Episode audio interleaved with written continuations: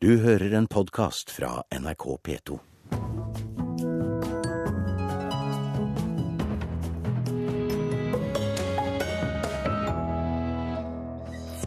Mindre penger til aviser for Marx og Jesus, og mer penger til lokalavisene. Nordlys-redaktøren mener mer av pressestøtten må gå til å støtte opp om lokaldemokratiet. Den anonyme gatekunstneren Dolk lover fortsatt å dekorere husvegger i nattens mulm og mørke, tross millioninntekter fra ny utstilling i helgen. Og hva kan Rødt gi kulturpolitikken som de rød-grønne ikke kan? Vi spør partileder Bjørnar Moxnes. Her er Kulturnytt med Thomas Alvarstein Ove. Dagsavisen og Klassekampen er blant de fem avisene som samlet får mer i pressestøtte enn landets 139 lokalaviser får. Redaktøren i Nordlys tar nå til orde for at lokalavisene får en større andel av støtten. Uten mer penger frykter han at flere lokalaviser ikke vil klare overgangen til digitale plattformer som nettbrett og mobil. Her er eh, vår nettavis. Vi er i de små lokalene hos Enebakk avis, og ansvarlig redaktør Gunnleik Seierstad viser frem utgaven på nett. Utfordringen vår er at vi eh, ikke i dag kan tilby eh, nettbrettløsning, altså iPad-løsninger, for, for våre lesere. Det er mulig vi må tenke nytt og investere i i den type løsning, slik at vi kan tilby også annonsørene nye plattformer å annonsere på. For vi merker at det er større konkurranse om, eh, om kundene til papiraviser, og det er vanskeligere å få inntekter der også. Sier redaktør Seierstad. Mens lokalavisen i Enebakk i 2012 mottok om lag 400 000 kroner i pressestøtte, fikk Dagsavisen som meningsbærende avis samme år 41 millioner i statsstøtte. Dersom det er slik at man ikke har mer penger å avse til pressestøtte eller til omstilling av, av uh, aviser, så, så, mener jeg at det er riktigere å bruke det på lokalavisene. Nordlysredaktør Anders Oppdal mener lokalaviser bør få en del av støtten som i dag går til de fem meningsbærende avisene Dagsavisen, Nasjonen, Dagen, Vårt Land og Klassekampen. I dag har vi en pressestøtte som er i større grad innrettet mot å ivareta ideene til Marx og Jesus, enn til å sørge for at vi har et sunt og oppegående lokaldemokrati i Norge. I fjor fikk de fem meningsbærende avisene til sammen 151 millioner kroner i pressestøtte. Det er 15 millioner mer enn det landets 139 lokalaviser måtte dele mellom seg. Redaktør Oppdal bruker avisen Finnmarken som eksempel på hvorfor han mener lokalavisene er viktigst. Det er viktigere at Finnmarken i Vadsø eh, har bærekraft, eh, er sterk og klarer å spille en relevant rolle om 10 og 20 år, enn at vi har Dagsavisen. Dette er institusjoner som passer på at både, både verken ordføreren, eh, lensmannen eller presten har eh, rom til å kunne gjøre noe, noe galt. Det syns jeg er en særdeles dårlig idé. Det sier Arne Strand om Oppdals ønske. Han er sjefredaktør for Dagsavisen, som mottar mest pressestøtte. Lokalavisene er viktige for lokaldemokratiet, selvfølgelig er det det. Men de meningsbærende avisene som i dag mottar produksjonsstøtte, er viktig for den demokratiske debatten i hele landet. Det går ikke an å svekke et viktig element i eh, demokratiet for å styrke et annet. Det går rett og slett ikke an å sette disse to tingene opp mot hverandre. Statssekretær i Kulturdepartementet Mina Gerhardsen vil ikke oppfylle Oppdals ønske om å gi noe av pressestøtten som de meningsbærende avisene får, til lokalavisene. Jeg forstår jo lokalavisens ønske om mer støtte. Samtidig er det jo ikke noe mål at flest mulig aviser skal være mest mulig avhengig av pressestøtte. Og det vi ser med pressestøtten i dag, er at den virker sånn den skal. Den har to mål, produksjonsmangfold og meningsmangfold.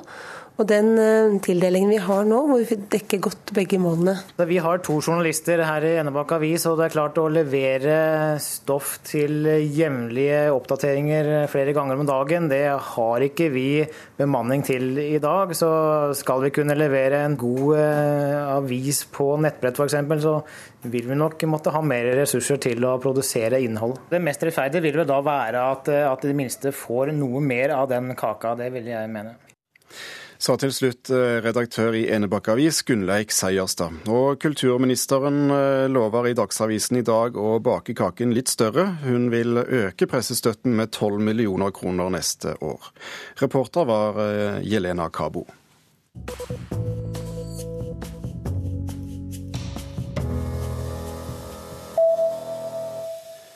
Erik Poppes nye film 'Tusen ganger god natt' vant juryens Grand Prix under filmfestivalen i Montreal i Canada i natt. Filmen handler om Rebekka, en av verdens fremste krigsfotografer som må velge mellom jobben og familien. 'Tusen ganger god natt' har norgespremiere 18.10. Munchs grafikk har tidoblet seg i verdi siden år 2000. Det skriver Dagens Næringsliv, som viser til tall fra kunstdatabasen Artprice. Til sammenligning har Picassos kunst kun doblet, i, kun doblet seg i verdi i samme periode. I mai i fjor ble Skrik solgt for 120 millioner dollar på en auksjon i New York. Kunstforhandler John Soki sier til avisen at salget utløste en global interesse for Munch. I Kina er flere hundre mennesker arrestert etter at myndighetene har satt i gang en kampanje mot såkalt ryktespredning på internett. Og Asia-korrespondent Anders Magnus, hva slags kampanje er egentlig dette? Det er en eh, fortsettelse av en eh, ganske omfattende innstramming av eh, ytringsfrihet og styrking av kommunistpartiets makt, som pågår nå etter at den nye topplederen i partiet, Xi Jinping, tok makten. Det går sterkest utover journalister og såkalte mikrobloggere. Det er jo mange millioner kinesere som eh, følger såkalte mikroblogger, eller det vi kaller Twitter i Vesten. som Twitter er jo forbudt i Kina, men de har sine egne. Her er eh, det nå skjedd en veldig kraftig innstramming på hva som man kan skrive, og hvem som kan skrive. og Det er derfor mange hundre har blitt arrestert for å gi en pekepinn til folk om hva de kan gjøre og ikke gjøre. Hvordan reagerer kinesiske borgere på denne kampanjen? Det er jo ikke så mange som tør å si noe. Noen få professorer har sagt at dette er dessverre et skritt i feil retning. Men mer typisk er nok reaksjonen til en av Kinas aller mest kjente bloggere. den uh, unge racerbilkjøreren Han Han, som har skrevet fryktelig mange populære blogger, også til dels med litt skjult kritikk av myndighetene. Han sier nå alle kjendisbloggere ligg lavt i terrenget, ellers så havner dere i fengsel. Og det er nok eh, det som er virkningen også, at eh, de som tidligere har kommet med liberale ytringer, kritikk av partiet, ønske om at man skal følge eh, landets grunnlov f.eks., de holder nå kjeft for å unngå å bli arrestert i en videre utvikling av denne kampanjen. Men folk skjønner kanskje at det er mer underliggende her enn bare å, å få bli kvitt ryktespredning, såkalt? Ja, Ryktespredning er jo bare et ord som uh, kinesiske myndigheter kaller det for at det skal se pent ut. Men det som ligger bak hele denne kampanjen, er uh, det såkalte Dokument 9. Som har blitt spredd uh, i partiet siden i vår. Og her står det at det er nå sju eh, eh temaer som det ikke er lov å nevne, verken for journalister eller lærere. Det er bl.a. universelle menneskerettigheter, pressefridom, sivilsamfunnet, eh, vestlig demokrati, eh, partiets historiske feilgrep, eh, den privilegerte kapitalistiske klasse. Her henviser så å si kommunistledelsen til seg selv. Det røde aristokrati, som man kaller det her og også uavhengighet, altså rettsvesenets uavhengighet er heller ikke lov å nevne. Slik at man slår hardt ned på alle ting som kan eh, øke liberaliseringen, den politiske liberaliseringen av det kinesiske samfunnet, og uh, i stedet går inn for en mye mye sterkere maktkonsentrasjon rundt uh, toppledelsen i partiet, som også nå forsøker å knuse uh, andre fraksjoner innad i partiet som ikke er under Xi Jinpings ledelse. Anders Magnus med oss fra Beijing, takk skal du ha.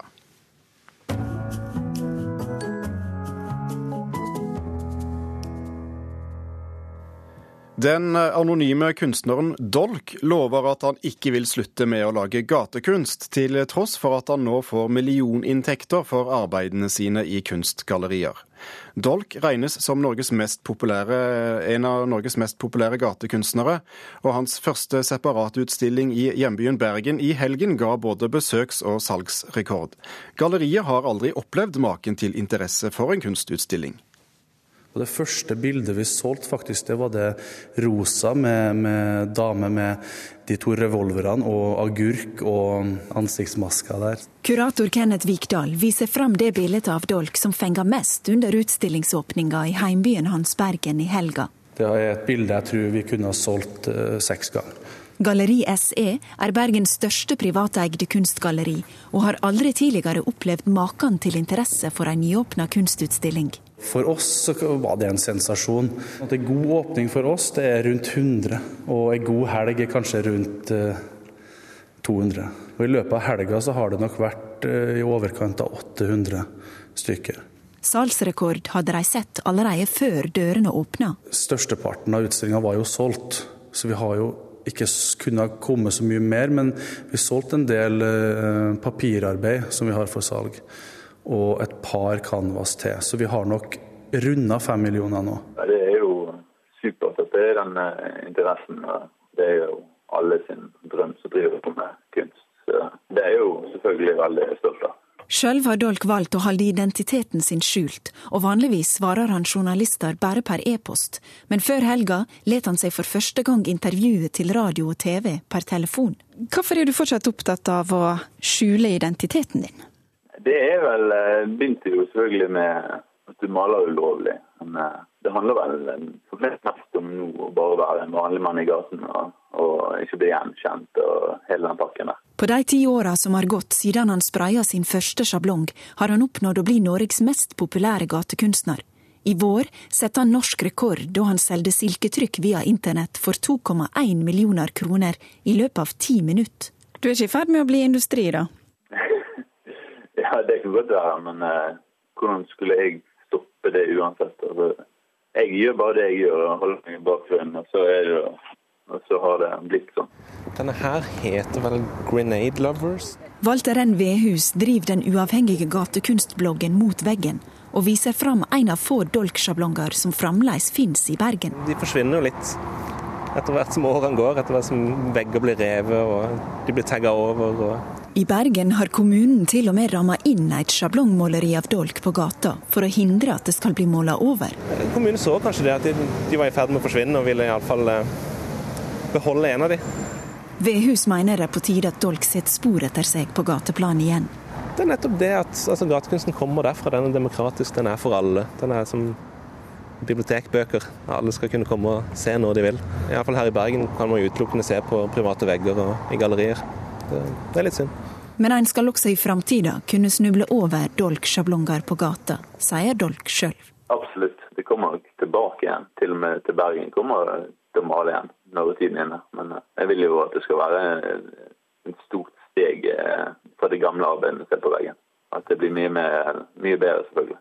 Hvor viktig er det for populariteten hans, tror du, at han fortsetter å lage kunst på gata? Det, er helt, det tror jeg helt klart er viktig for, for det publikum som, som, er veldig glad i gatekunst. Men for galleripublikum så, så vil det ikke ha så mye å si. Det, da er det utelukkende hvordan han gjør karriere framover med, med hvilke gallerier han viser på, hvilket publikum han treffer der. Da. Og Dolk-utstillingen i Bergen har tittelen 'Wildlife' og varer til 3. november. Reporter var Turi Rogne. Du hører på Nyhetsmorgen i NRK P2 og Alltid nyheter. Dette er overskriftene nå klokken snart 19 minutter over åtte. Fylkeskommunene bruker millioner av skattekroner på PR for å påvirke politikerne. Huseiernes Landsforbund lar reklamekampanje mot finansministeren gå sin gang, selv om de ikke lenger tror på budskapet. Og Nokia vil selge hele mobilvirksomheten sin til Microsoft. I Kulturnytts partiutspørringer har vi i dag kommet til Rødt. Leder i Rødt, Bjørnar Moxnes, velkommen. Takk for det. Som et rødt parti, men dog utenfor det rød-grønne fellesskapet, får vi vel si. Hva syns du om det, hva syns du regjeringspartiene har lykkes best med med sine kulturløfter?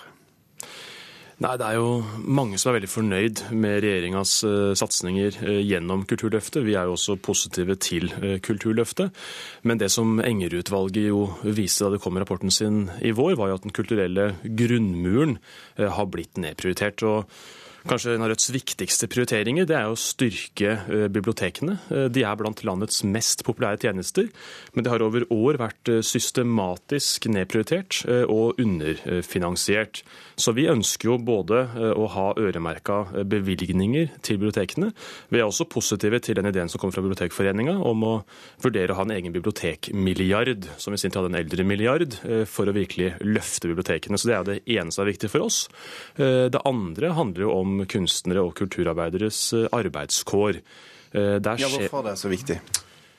Jo, For det første eh, så har kulturarbeidere dårligere rettigheter enn arbeidstakere flest. Det handler både om, om skikkelig pensjon, retten til sykepenger, retten til, til god lønn. Og så ser vi en del utviklingstrekk som er bekymringsfulle, kanskje særlig i Oslo. Det som skjedde med Oslo Nye Teater nå i, i, i inneværende år, er jo at man altså, gir litt mindre eh, til de ansatte, for at de dermed skal plutselig prestere og bli mye mer kreative eh, i, i andre enden. Og Det er litt sånn som eh, da han godeste Erik Fosnes Hansen tok for seg Minerva og, og toneangivende høyrefolks nye kulturpolitikk, hvor han sa at dette er som å som å gjøre med de gamle varemagasinene, at du beholder navnet og lar franchisen flytte inn og ut og inn og ut. Altså Vi er mot den typen løsarbeidertilstander for kulturarbeidere. Vi ønsker eh, offentlig fast finansiering, faste stillinger og et ordentlig arbeidstakervern også for de som jobber med kunst og kultur. Det fortjener de, på lik linje med andre eh, arbeidstakere. Så vi er skeptiske til den nye trenden som Venstre og Høyre står for, hvor de altså vil leie inn folk og ha såkalt prosjektteater, eh, framfor da folk få faste stillinger. Men samtidig som dere vil la, la kunstnere og, og Eh, for, for bedre kår, så eh, har dere en politikk på fildeling som særlig musikerne mener vil ta fra dem inntekter. Hvordan henger det sammen? Ja, Det mener jeg er en upresis uh, gjengivelse. Altså, Vi i Rødt er overhodet ikke for å svekke kunstnernes opphavsrett. Vi vil heller ikke redusere kunstnernes livsgrunnlag. Vi vil tvert imot styrke kunstnernes livsgrunnlag. Så ser vi at, at utviklinga gjør at, at, dagens økonomiske modell har blitt forelda. Vi ønsker et par bærende prinsipper for en, ny lovgivning på dette feltet. og Der er det ene prinsippet som må ligge til grunn, eh, det er kunstnernes rettigheter og inntektsmuligheter eh, på den ene sida. Eh, på den andre sida må vi også hensynta folks likeverdige tilgang til informasjon, kunnskap og kultur. Og så må dagens individuelle betalingsmodeller etter vårt syn erstattes av, av kollektivet. Vi må også få en strengere regulering av bl.a. dagens monopollignende musikkmarked. Så Rødt ønsker ikke å svekke eh, kunstneres eh, eh, lønns- og arbeidsvilkår, og utgangspunkt ønsker å styrke det. Så alternativet er å gi musikerne statsstipend eller statslønn? Ja, altså, Vi har jo ikke en fiks ferdig løsning, så vi ønsker å både invitere musikere, organisasjoner og andre til å finne gode løsninger for, for framtida. Men det er helt åpenbart at dagens individuelle betalingsmodell den blir mildt sagt litt vanskeliggjort av av utviklinga. Det trengs nytt lovverk, ny lovgivning og også nye eh, kollektivmodeller for å sikre eh, musikere og andre kunstnere eh, skikkelig inntekt for arbeidet også i framtida. Generelt så vil dere ha enda mer satsing på kultur, og det skal skje gjennom offentlig støtte. Hvorfor må det være offentlig støtte? Hva er galt med private penger? Det er ikke noe galt med private penger i seg selv, eh, men, men det er klart det er mye mer sårbart hvis det er privat, private enkeltpersoners eh, gavmildhet som ligger til grunn. Vi mener at det er et offentlig ansvar å sørge for å støtte eh, kultur, og også smale kulturuttrykk. Samtidig så har vi jo også fått meldinger om at det er rimelig byråkratisk, en del av de ordningene som, som det offentlige i dag står for. Så vi kan også tenke oss å støtte flere, altså flere Fritt Ord-lignende eh, stiftelser, eh, som også da er uavhengige eh, av staten, men som da kan være såkornfond for kunst og kultur landet rundt. Nynorsk er viktig for Rødt. Hvorfor det? Nei, det handler om å om å være en kulturnasjon. Det handler om å ta vare på eh, et helt avgjørende del av norsk, norsk kultur og norsk ikke minst skriftkultur. Og vi tror ikke at, eh, at det å fjerne nynorsken gjør oss et rikere land eller et bedre land. Tvert imot så vil det bli et fattigere land hvis vi tar bort den delen av kulturarven vår. Målloven brytes mange ganger hver dag. Bør det få konsekvenser? Vi har ikke gått inn noe nærmere på, på endringer av, av håndheving av lovverket, men det er klart at vi ønsker jo at man skal etterleve, etterleve lovverket. Det er jo et krav som alle burde følge. Bjørnar Moxnes, partileder i Rødt, tusen takk for at du kom til Kulturnytt. Kulturnytt trekker seg nå tilbake til frem til klokken 16.30 i ettermiddag. I denne sendingen har du hørt at det er viktigere å redde lokale avisene enn å gi statsstøtte til aviser som Klassekampen og Vårt Land. Det mener redaktøren i Nordlys. Kulturnytt var ved Halvor Haugen, Beate Haugtrø og Thomas Alvarstein Ove.